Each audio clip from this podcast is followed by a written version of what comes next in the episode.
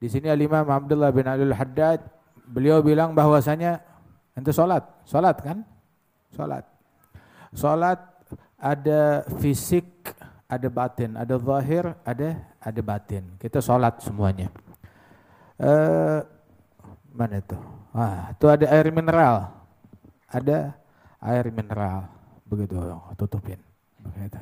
Nggak ada iklan. Udah gratis mau iklan lagi. Ada air mineral. Eh, begitu, tebak aja mereknya apa ini. Ada air mineral. Eh, eh labas. Eh, ada isinya, ada kemasannya. Begitu. Yang ente minum, yang ente nikmatin isinya atau kemasannya? Isinya. Kalau misalkan eh, tahu-tahu diputerin begitu, isinya udah habis. Begitu. Bisa ente nikmatin? Gak bisa. Begitu juga sholat. Ada isinya, ada kemasan, kemasannya. Begitu. Isinya juga nggak bisa ditampung kalau tanpa kemasan. Mau ngapain diguyur gitu depan muka kita. Uh, tapi juga kemasan doang, bukan itu yang maksud. Kemasan bukan tujuan utama. Tetapi isi itu tujuan utama. Agimus sholata lidzikri. dirikan, dirikan sholat untuk zikir, untuk ingat kepada Allah Ta'ala. Kita sholat, ada isi, ada kemasan. Uh, kemasan harus kita dirikan. Kalau kagak, ya, kalau dibilang merek apa minuman yang paling mahal dan terpercaya, cuma ente ngasihnya di plastik apa namanya plastik uh, kresek gitu, plastik apa itu namanya itu, plastik kresek. Ngasih, oh ini air terbaik di dunia yang paling mahal Botolnya mana? Enggak ada, langsung di sini. Nah, dikeresek plastiknya. Lah, nggak bisa diterima. Tetapi harus ada kemasannya. Begitu. Tetapi maksud dan tujuan utama adalah isi daripada sholat tersebut. Nah karena itu tidak ada kesempurnaan untuk sholat kecuali kalau kita dirikan dua-duanya. Eh, fisiknya dan juga eh, isinya juga. Kemasannya dan juga isinya. Surah yang zahirah dan yang batinah.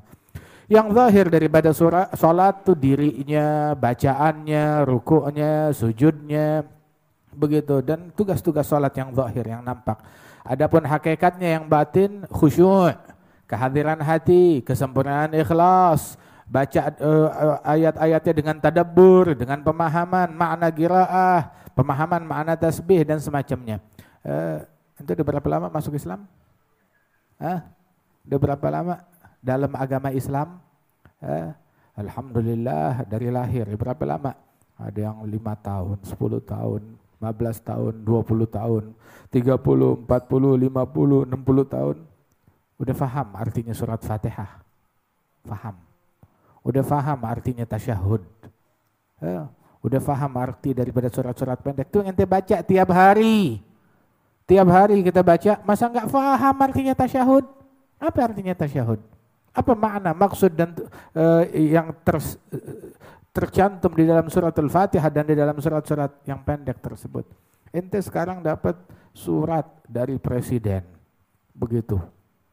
Ya, dalam bahasa sang sekerta. Apa yang ente lakukan? Cari.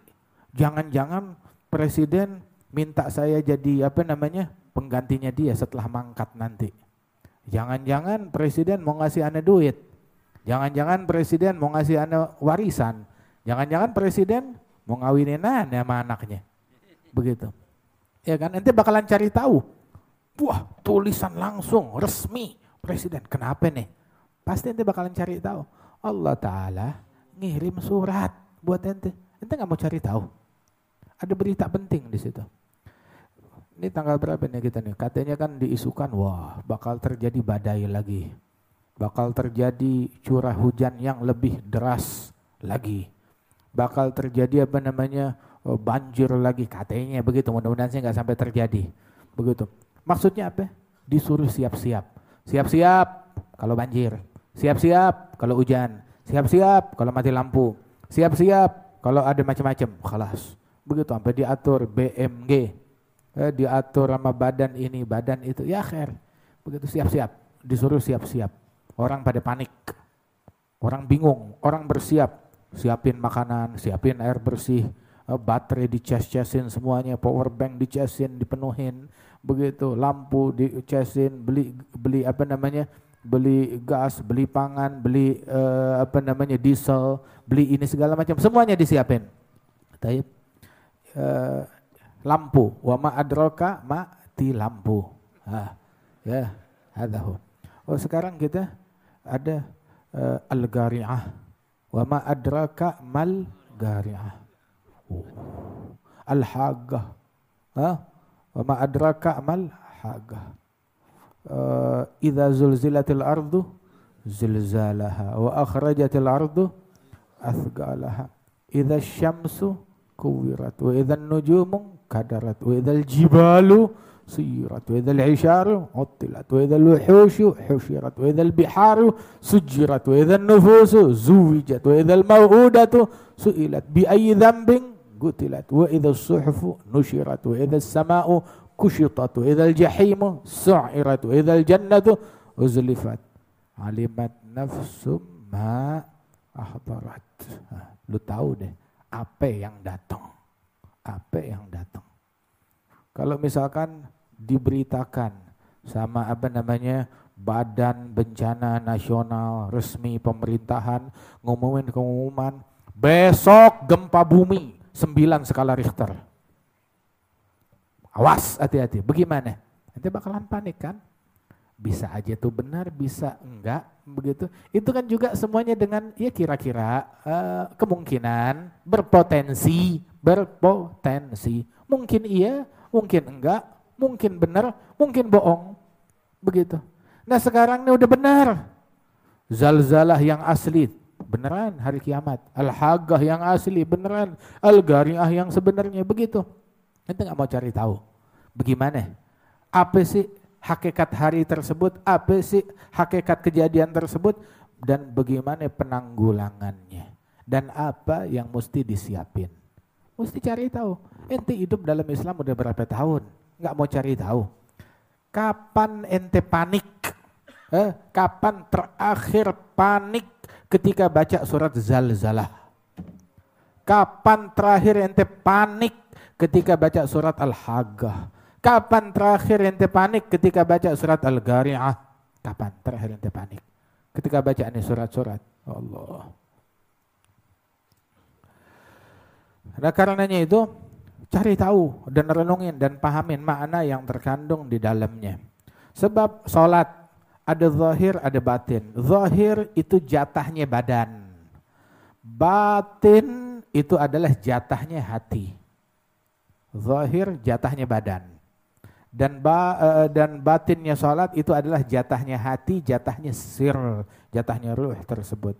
Dan itu tempat yang dilirik, yang dilihat oleh Allah Subhanahu wa taala dari suatu hamba, tempat yang dilihat oleh Allah taala adalah hatinya dan sirnya.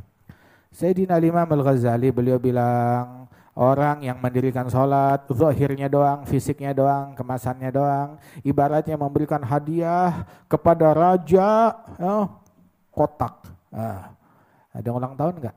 Ah, ada orang ulang tahun, oh, masya Allah. Ntar lagi ada yang mau ulang tahun nih. Uh, hadiah kado traktir dulu baru minta hadiah. Begitu. Ada ngasih apa namanya? Kado. Uh itu dia bungkusan kado. Dalamnya oh, luarnya tuh diisi dengan apa namanya? Eh, luarnya dibungkus dengan kemasan yang indah-indah eh, eh dengan pitanya dengan ronceknya dengan segala macam. Tapi begitu lihat di dalamnya kosong melompong ngasih hadiah Begitu. Habib Ahmad kalau terima hadiah itu bagaimana? Bilang kurang ajar. gue ditipu, dibohongin sama dia. Ah. Nah begitu juga ibaratnya orang sholat tapi dalamnya kosong, melompong. Begitu. Cuma kemasannya luar luarnya doang ngasih hadiah ke raja. Wah, raja udah buka, nggak tanya dalamnya kosong. Lah, mana katanya ini hadiah besar, dalamnya kosong. Ini orang dari raja mau pahala, mau ganjaran, mau imbalan, atau mau apa namanya, mau pentungan. Ini meledek, menghina namanya. Nah berapa banyak sholat kita yang kesannya menghina kepada Allah subhanahu wa ta'ala. Walidzalika Hasan al-Basri beliau bilang kullu salatin la yahduru fiha al-qalb la yahdur fiha al-qalb fahiya ila al-ugubati asra' setiap salat di dalamnya kalau hati enggak hadir lebih cepat kepada hukuman daripada kepada imbalan dan pahala dari Allah Subhanahu wa taala. Salat yang benar, salat yang benar. Salat tuh eh, jaga bersuci dengan betul, bersuci, bersuci badan, bersuci baju, bersuci tempat, tempatnya suci. Kan ba'du salaf ya taghassal li kulli fardhah. Untuk setiap salat fardu dia mandi untuk setiap salat fardu. Itu sebagian salaf begitu ta'ziman li salat. Uh, di antara mereka itu uh, yang mana apa namanya setiap salat dia memperbaharui wudu. Uh, kata kata jadidul wudu in shalla uh, faridatan au sunnatan au nafla. Uh, tajididul wudu tiap salat. Begitu. Atau hatta apa namanya sebagian mereka mandi setiap fardhu likulli fardhu. Wa Rasulullah bilang di dalam hadis at-tuhur miftahus salah. Eh, tuhur itu tohara kesucian adalah kunci daripada salat.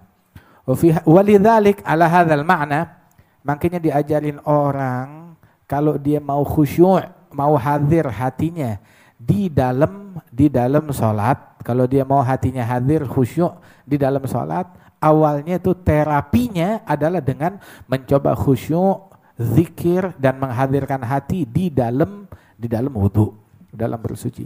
Kalau wudhunya dia ingat kepada Allah, dia zikir, hatinya khusyuk di dalam di dalam wudhu yang singkat itu, itu insya Allah kunci untuk kehadiran hati di dalam salat. Lidzalik Imam Al-Ghazali juga menyantumkan riwayat uh, bacaan dan sunnah yang untuk kita baca ketika kita wudhu, ketika kita wudhu tuh. Allahumma bayyid wajhi binurik yawma tabyad wujuh awliyaik wa la tusawid wajhi bi dhulumatik yawma taswad wujuh ada putihin wajah saya di hari kiamat kelak. Masya Allah, lagi wudhu basuh muka yang diingat begitu. Terus ketika basuh tangan, a'ati kitabi biyamini. Eh, Wala eh, na'udzubika an tu'ti kitabi bishimali min wara'i dhahri. Ya Allah berikan catatan amal saya di hari kiamat dengan tangan kanan, jangan dengan tangan kiri atau dari belakang. Ghashini bi rahmatik, adhillani tahta dhilli arsyik yawma la dhilla illa dhilluk. Ya Allah payungin saya di bawah naungan rahmatmu besok. Ha? Tutupi aku dengan rahmatmu. Tuh. Uh, kemudian juga a'tik ragabati minan nar asmi'ni nida al jannah fil jannah begitu Thabbitni ala sirat.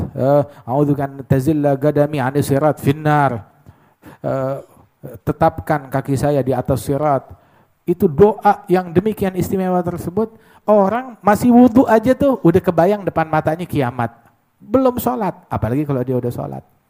Walidzalik karena Sayyidina Ali Zainal Abidin itu kalau dia wudhu baru mau sholat tuh dia wudhu pucat gemeteran. Dia bilang kenapa? Sakit bilang atadrun baina yadaiman seagum. Lu nggak tahu sebentar lagi saya bakal menghadap kepada siapa. Siapa yang nggak grogi? Ente sekarang kalau dipanggil menghadap sidang sidang di sidang. Sidang skripsi aja deg-degan. Begitu apalagi sidang hakim. Begitu. Apalagi apa namanya uh, ente di sidang ente akan diadili akan sesuatu akan sesuatu hal.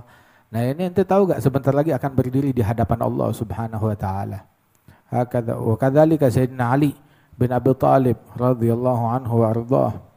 Uh, itu sampai dibilang oleh Sayyidina Abi Bakar As-Siddiq ya, kalau dikumandangkan salat gumu ila narikum allati awgadtumuha fa'atfihuha. Yani bisalah berdirilah uh, hampiri api apinya kalian yang udah kalian nyalain dengan kemaksiatan padamkan dengan salat. Tuh Katanya Sayyidina Nabi Bakar As-Siddiq dan para salaf demikian. Mereka mengingatkan kita. Kemudian juga jangan kalau kita wudhu jangan pakai was-was. Was-was itu kebiasaan orang bodoh. Itu jangan was-was. Wudhu dengan sempurna. Sunnahnya, adabnya. Uh, tapi tinggalin was-was. Jangan was-was. Was-was itu bukan sunnah. Al-Habib Abdullah bin Umar bin Yahya ba'da salaf wudhunya itu bisa satu jam. Ngejalanin semua sunnah wudhu yang jumlahnya puluhan bahkan ratusan begitu. Nah itu wala sunnah dikerjain was-was, jangan was-was, jangan was-was. Begitu juga sholat jangan pakai was-was. Uh, dan apa yang ditempuh oleh para salafus saleh di dalam taharam ada huwal madhab al mahmud yang perlu kita ikuti di dalam segala hal fa innahumul qudwah Kemudian juga lazimkan wudhu selalu bersuci. Nanti duduk di sini dari antara maghrib dan isya begitu. Ya jaga wudhu sebisa mungkin. Jaga wudhu. E, kata, e, dan kalau bisa tiap waktu jaga wudhu. Tiap waktu sebisa mungkin jaga jaga wudhu. E, kalau kalau bisa dan tanpa merugikan pihak lain. Emang ada yang dirugikan kalau jaga wudhu terus ada bini mau disenggol, gua ada wudhu. Ah, begitu demi yang sunnah ngerjain yang haram ninggalin kewajiban eh, yang Allah Taala wajibkan untuk untuk taat kepada suaminya eh, tetapi kalau enggak eh, apa namanya kalau dia bisa jaga wudhu tanpa apa namanya tanpa merugikan orang lain maka jaga wudhu Allah Ta'ala mewahyukan kepada Nabi Musa, Ya Musa, idha asabat kamu musibah wa anta ala ghairi tohara, fala talumanna illa nafsak. Kalau engkau kena musibah sedangkan engkau dalam keadaan uh, tidak dalam keadaan berwudu, ya jangan salin siapa-siapa kecuali dirimu sendiri. Katanya, lazimkan wudu sebisa mungkin. Kemudian juga dirikan sholat yang benar uh, di awal waktu, jangan suka nunda-nunda sholat sampai keluar daripada waktunya. Sebisa mungkin di awal waktu, awalul wag, awalul wagti, ridwanullah. Uh, uh, awal waktu keridhaan Allah. Pertengahan waktu adalah rahmatullah. Akhir waktu afullah. Ya, kalau lewat waktu murka Allah. Nauzubillah. Uh, kemudian juga mukmin itu tercela apabila seorang uh, sungguh sangat tercela sikap seorang mukmin masuk waktu sholat tapi dia masih sibuk dengan kesibukan duniawi nggak ditinggalin itu urusan duniawi dia begitu atau dia berdiri ngerjain yang fardu yang Allah taala wajibkan uh, kepadanya itu sedangkan hatinya lalai. La ilaha illallah. Ya, jangan sampai kita nunda-nunda sholat sampai keluar daripada waktunya. Dan juga khusyukkan hati kita, hadirkan hati kita di dalam sholat eh, dengan benar. Eh, kemudian juga eh, kita diajarkan itu sebagaimana disebutkan bahwasanya ada satu orang ditanya, ente kalau sholat kepikiran kepikiran dunia agak? Maka dijawab, mendingan gigi saya rontok dan saling bersilangan, hancur gigi saya, itu lebih saya sukai daripada saya mikirin dunia di dalam sholat. Mendingan giginya tuh rahangnya hancur, itu lebih saya sukai daripada kepikiran dunia di dalam sholat. Ada lagi satu salaf ditanya, ente kalau dalam sholat ada kepikiran hal lain nggak selain sholat? Bilang, emang ada hal yang lebih enak daripada sholat hingga saya pikirkan di dalam sholat. Buat saya itu sholat adalah hal yang paling nikmat, yang paling lezat. Jadi saat saya sibuk dengan kenikmatan, dengan kelezatan, udah nggak kepikiran sama yang lain lagi. Begitu. Emang ada, kalau ada yang lebih enak dari sholat, mungkin kepikiran. Masalahnya, saya nggak menemukan ada yang lebih enak daripada sholat. Itu katanya beliau. Hakada. Mudah-mudahan Allah Ta'ala berikan taufik kepada kita sekalian. Ya, dimudahkan kita untuk menyelami rahasia sholat, kenikmatan sholat, kelezatan sholat. Ya Rabbal Alamin.